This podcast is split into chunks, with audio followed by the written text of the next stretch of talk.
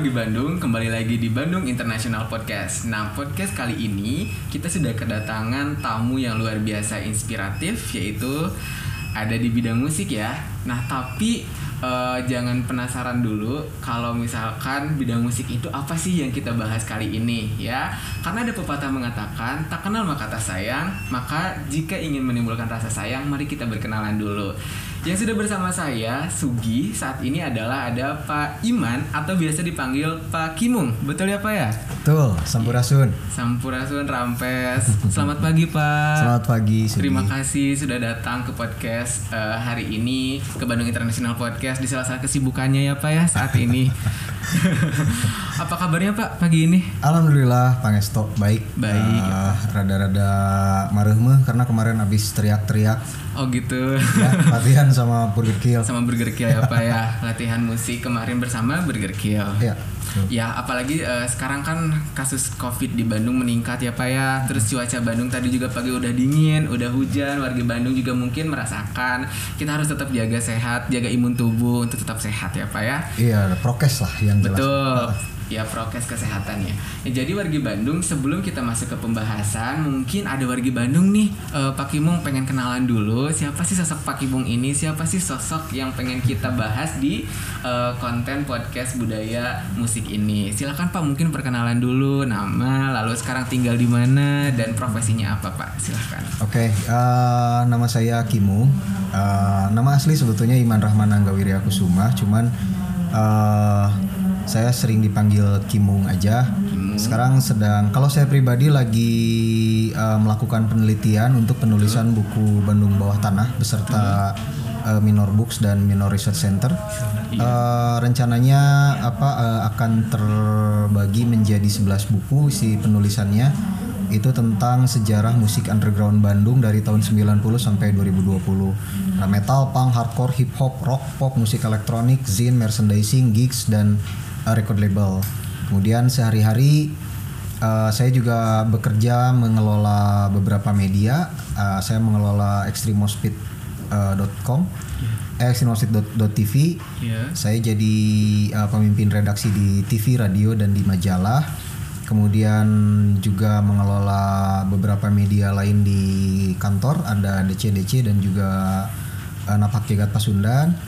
Uh, juga running atap kelas yang juga uh, menginisiasi penelitian buku uh, Bandung Bawah Tanah. Selain itu juga lagi running mempersiapkan penelitian lanjutan dari buku sejarah Karinding Priangan Ragam Harpa Mulut Indonesia. Itu rencananya tahun depan mau keliling tahun depan Indonesia. keliling Indonesia.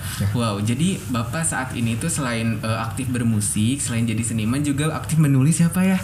Iya, saya bermusik dan menulis kebanyakan. Bermusik dan menulis. Sebetulnya motret, bikin film, melukis juga, Iya. cuman yang bener-bener lagi aktif sekarang it- itu aja gitu, bermusik dan menulis. Menulis ya Pak ya. Wah, berarti warga Bandung seperti yang sudah diceritakan tadi oleh Pak itu Pak Iman adalah bahwa eh, beliau seorang seniman ya, seniman dan juga karyanya banyak sekali dan di sini juga sudah ada tertampil sejarah Bandung Pria eh, sejarah Karinding Priangan. Memang fokusnya di alat musik karinding atau seperti apa, Pak?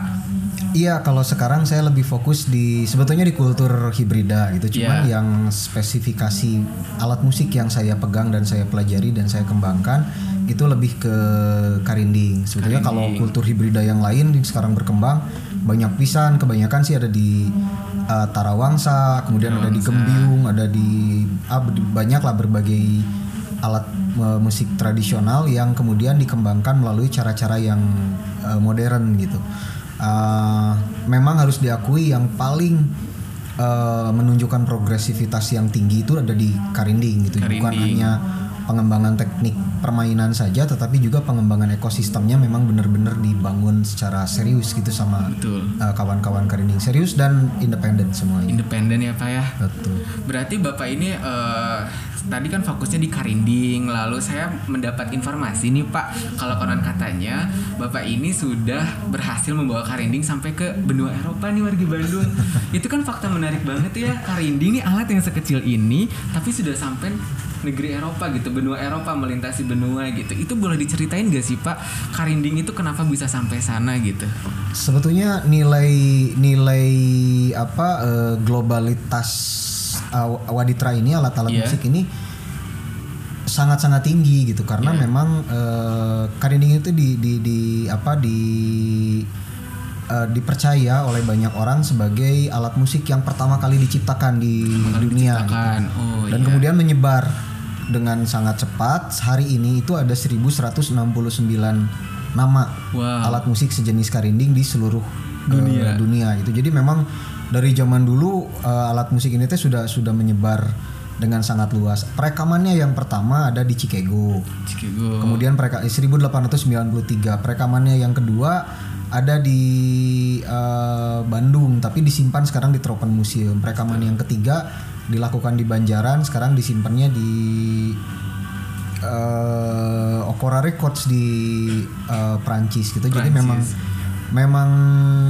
apa nilai kalau kita ngelihat sejarahnya nilai Iya. globalitasnya sangat-sangat uh, tinggi gitu dan Iya. memang dari masa ke masa itu selalu ada eh, apa pergerakan harpa mulut atau juga karinding yang Iya. mewarnai dinamika yang ada di di seluruh dunia. Memang ketika kemudian tahun 70-an mungkinnya 60 70-an mengalami decline eh, si karinding ini di, di kita Iya. mengalami decline eh, baru tahun 2008 lah itu di- bisa disebutkan sebagai tonggak kebangkitan kembali karinding ketika berdiri si eh, karinding attack gitu jadi Iya. eh, menyebar lagi, booming lagi dan kemudian Karinding Attack lah yang kemudian membawa eh, apa eh, Karinding ke ke ke Eropa gitu. Kak. Kalau kalau tadi apa eh, maksudnya pertanyaan yang ke Eropa itu. Iya. Ada beberapa pola sebetulnya bagaimana si Karinding ini bisa nyampe ke sana. Yang pertama melalui eh, kerjasama penelitian ilmiah, Iya. karena di dunia itu ada satu apa ya society ya, namanya International Juice Society dan eh, juga ada beberapa eh, kelompok-kelompok kolektif-kolektif eh, para peneliti yang ada di di seluruh dunia juga gitu. Ada beberapa konferensi yang kemudian mengundang kita. Jadi memang kanal pertama yang mengantarkan Karinding ke Eropa itu harus diakui dari eh, penelitian-penelitian ilmiah yang dilakukan secara kolektif di Iya. oleh para peneliti di seluruh dunia. Itu yang pertama. Yang kedua memang melalui tour si Karinding Iya. Attack itu ke ke Eropa melalui program Europalia dan Raum Raya itu tahun 2018 dan kita tampil di 8 negara pada saat Delapan itu. negara. Kemudian di tahun 2020 itu harusnya Iya. ada tiga band lain yang ke band Eropa lain. si Karinding Chaos tampil di World Cultural Museum, Museum of Impossible Form dan beberapa tempat lain di Eropa. Kemudian Kasalur main di salah satu festival di Prancis. Kemudian ada satu lagi Akal Aliansi Karinding Alam harusnya tur Jepang mereka itu Jepang. kemarin itu 2000 Ka- semuanya terhenti karena Karena covid ini apa ya? Padahal sayang sekali itu kesempatan lalu ada banyak ilmu yang mungkin bisa di ini apa ya disebarkan kepada masyarakat luas. Betul, ilmu jaringan Iya. kerjasama dan banyak hal sebetulnya yang bisa dilakukan. Lalu Pak kalau tadi kan ada komunitasnya apa ya yang internasional Jaws Harp itu itu boleh diceritakan nggak Pak itu base-nya dari mana atau misalkan dia pusatnya di mana dan ada pergerakan nggak termasuk Bapak sebagai eh, pegiat budaya ini yang karinding seperti apa Pak boleh diceritakan nggak? Oke, kalau yang International Juice Harp Society itu mereka udah mulai dari tahun 80 lah. 80 Cuman embrionya dari tahun 60 70-an. Ada Iya. satu pendirinya namanya John Wright. Dia memang sangat aktif meneliti eh, mengenai juice harp ini di seluruh dunia. Oh iya. Dia me, da- tujuh, tahun 78 dia merilis buku Legimbard gitu. Terus sebelumnya merilis buku juga yang menyebutkan kalau eh, alat musik sejenis ini itu datangnya dari Tatar Sunda gitu. Terus Sunda. Gitu dari kawasan Asia lah gitu. Kawasan Asia Tatar Sundanya yang kalau saya terkait dengan Karinding bukan Tatar Sunda etnis gitu, Iya. tapi Tatar Sunda yang di atasnya Himalaya di bawahnya Sahul gitu Oh. mungkin kalau sekarang lempeng benua Sunda nah di Iya. kawas dari kawasan itu gitu ber- berasalnya teh nah terus tahun 80-an eh, gairah para pemain karinding di seluruh dunia itu semakin eh, semakin naik luar biasa gitu dan akhirnya mereka memutuskan untuk eh, bergabung menghimpun diri sendiri dalam satu organisasi yang namanya International Juice Harp Society. Mereka bikin konferensi dua tahunan, bikin festival dua tahunan juga di situ teh kemudian juga merilis berbagai merilis eh, CD yang di dalamnya menampilkan para pemain jus harp dari seluruh eh, dunia gitu di situ. Tercatat tahun 2006 dari yang pertama kali tampil di Indo- dari Indonesia itu dari Bali. Mereka mainin Bali. genggong. Genggong. Iya, yang ditarik gitu sih Oh, alat musiknya. iya. Nah, gitu. Jadi 2008 kita mulai eh, share terkait dengan eh, dinamika penelitian yang dilakukan di Indonesia. Ilham Nurwansah yang pertama kali me- me- mengirimkan jurnal penelitiannya ke sana, dipublish di sana dan kemudian eh, saya juga beberapa teman yang lain eh, aktif me- me- apa me- mengirim jurnal-jurnal penelitian. Nah kalau di Jawa Barat sendiri eh, setelah boomingnya Karinding lebih dari 200 band lahir di sini gitu dan bisa disebutkan itu teh jumlah yang sangat-sangat besar gitu di potensi yang luar biasa karena kalau di negara-negara lain mungkin cuman beberapa beberapa Iya, iya, gitu. Pak. Nah, di di kita satu provinsi satu Jawa Barat itu udah udah sampai 200 band dan 200 band ini tuh mengelola eh, band-band yang lainnya ya Iya. betul yang lebih muda lagi. Nah, dari situlah lahir kolektif-kolektif, komunitas-komunitas yang saling berjejaring satu dengan yang lainnya. Kemarin saya keliling Jawa Barat eh, mencoba merumuskan lagi networking yang sudah terbangun 10 tahun terakhir dan memang luar biasa, kuat banget gitu sampai sekarang terus mereka eh, melakukan berbagai hal untuk mengembangkan Karinding. Seperti itu. Nah, jadi wargi Bandung ada banyak banget ternyata ya karinding lalu di seluruh dunia tuh banyak variannya ibaratnya kayak gitu. Cuman kalau di Bandung atau di Tatar Sunda namanya karinding ya, Pak ya. Betul. Kalau di Jawa Barat ada ada beberapa nama. Kalau di aliran Sungai Cisadane ada Jumene, ada Krinding, ada Karinding. Kalau di Tatar Parahyangan itu ada Karinding. Kalau di Bog eh, di Cirebon ada Riding, ada Krinding, ada Karinding. Oh, beda-beda juga ya Pak ya di Ya. kita. Nah, eh, dari tadi kan Bapak ngejelasin ya Pak, eh, ngejelasin bahwa karinding itu seperti apa, lalu eh, di dunia itu seperti apa, di Tatar Sunda juga seperti apa nama-namanya. Nah Pak, boleh nggak Pak dimainin salah satunya gitu, biar wargi Bandung pada tahu gimana sih Pak cara eh, bunyinya seperti apa, cara mainnya seperti apa. Oke. Ini ya. Iya boleh Pak. Yang itu namanya ada jenisnya nggak Pak? Ini ini Karinding. Karinding Ini Karinding dari eh, Jawa Barat. dari Jawa Nah, Barat. ini buatannya Mang Dedi dari Parakan Muncang. Iya, Jadi cara mainnya cepeng sing yakin, cepeng sing yakin, tabeh sing sabar. tabu sing sabar. Nah, kalau udah ada getar ini nanti kita kasih resonan dari tubuh kita dari mulut, dari rongga mulut. Harus sadar, itu bukan suara kita. Iya. Jadi ini bagian yakin, sadar, sabar. Oh ya. Tabu. Sadar sabar.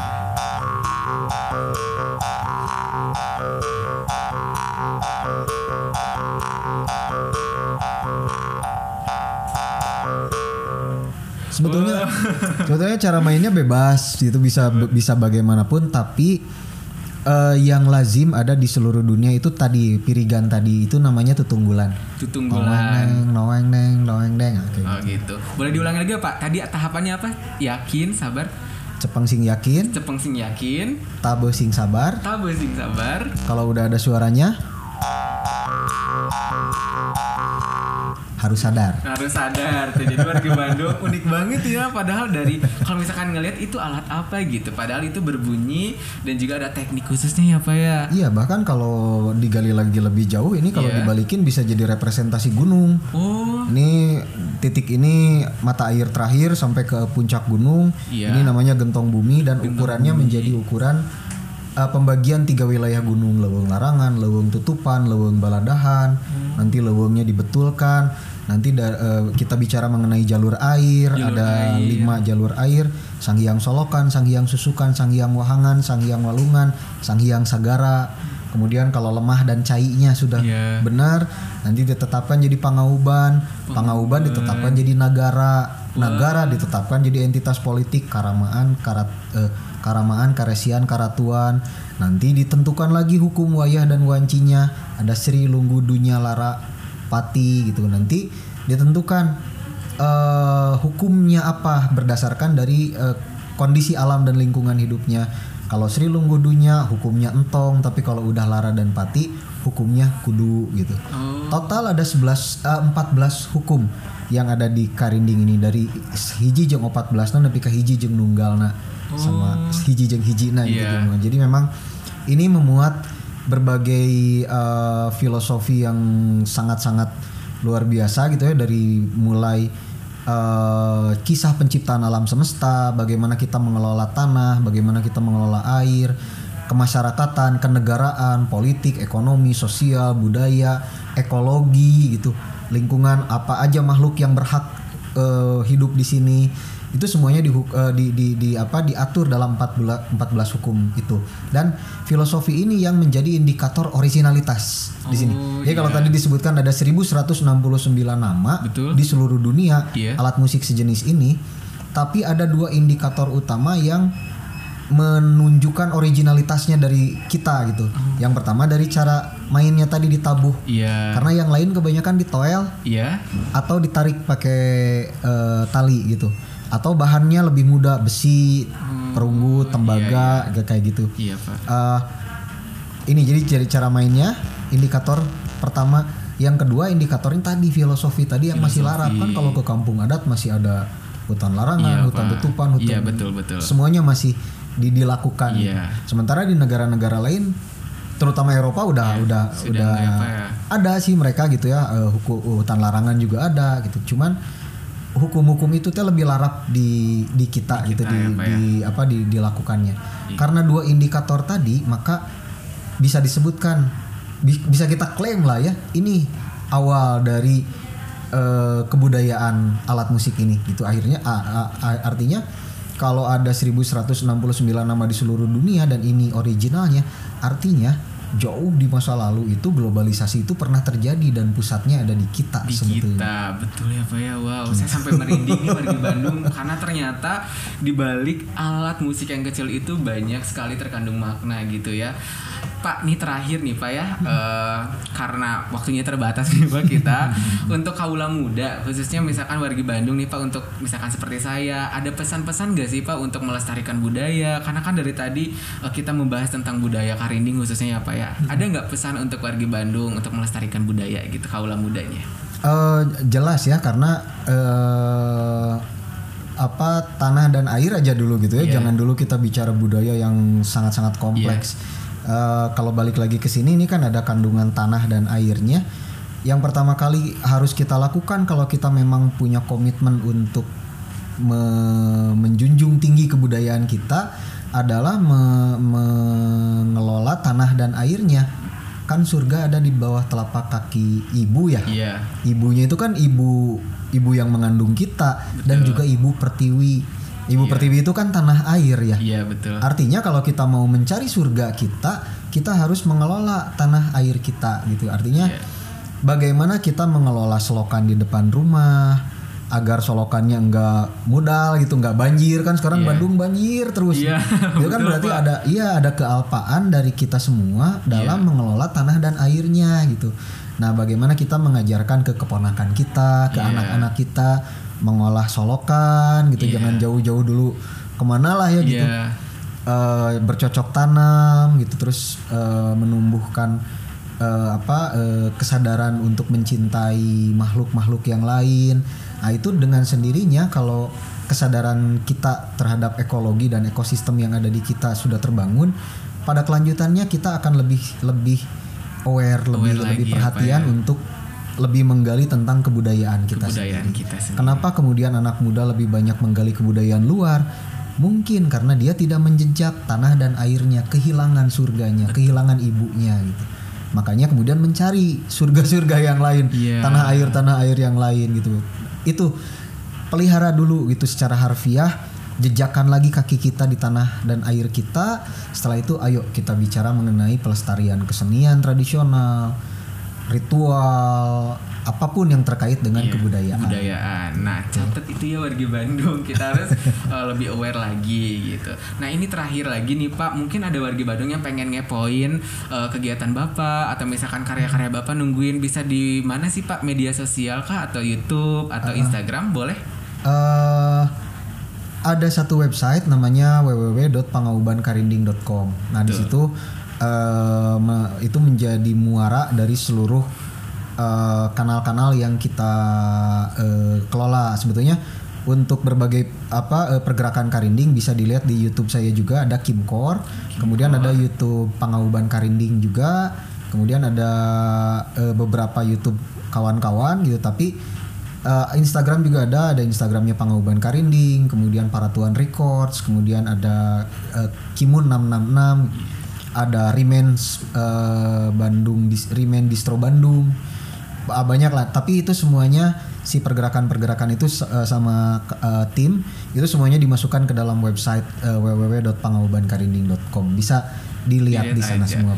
Nah, jadi wargi Bandung silahkan dikepoin, di follow, ditunggu karya-karyanya. Tapi selain itu, jangan lupa untuk follow juga sosial media Bandung Go ID. Ada di YouTube, Instagram, Twitter, TikTok, dan juga ada di Spotify ya. Karena di sana bakal ada konten atau informasi menarik lainnya. Seperti saat ini Karinding kan menarik gitu. Nah, wah nggak terasa banget ya Pak. Kita sudah ngobrol, padahal sebentar. Saya pengennya ngobrolnya lama-lama Pak, tapi karena kita ada keterbatasan waktu, jadi kita harus akhiri. Terima kasih Bapak sudah Nah, saya menyempatkan yang waktu di sini. saya yang terima kasih senang bisa mengobrol dengan anak-anak muda yang luar biasa. Semangat Iya, terima kasih juga Pak Pak Kimung ya. Eh, jadi kita tutup aja langsung podcast ini. Wargi Bandung jangan lupa untuk eh, tadi kepoin Pak Kimungnya, karyanya juga kepoin dari sosial media kita dan eh, jangan lupa untuk tetap patuhi protokol kesehatan, jaga imun tubuh, juga nantikan episode selanjutnya ya di podcast selanjutnya. Sampai jumpa. Ngurasun. Sampurasun.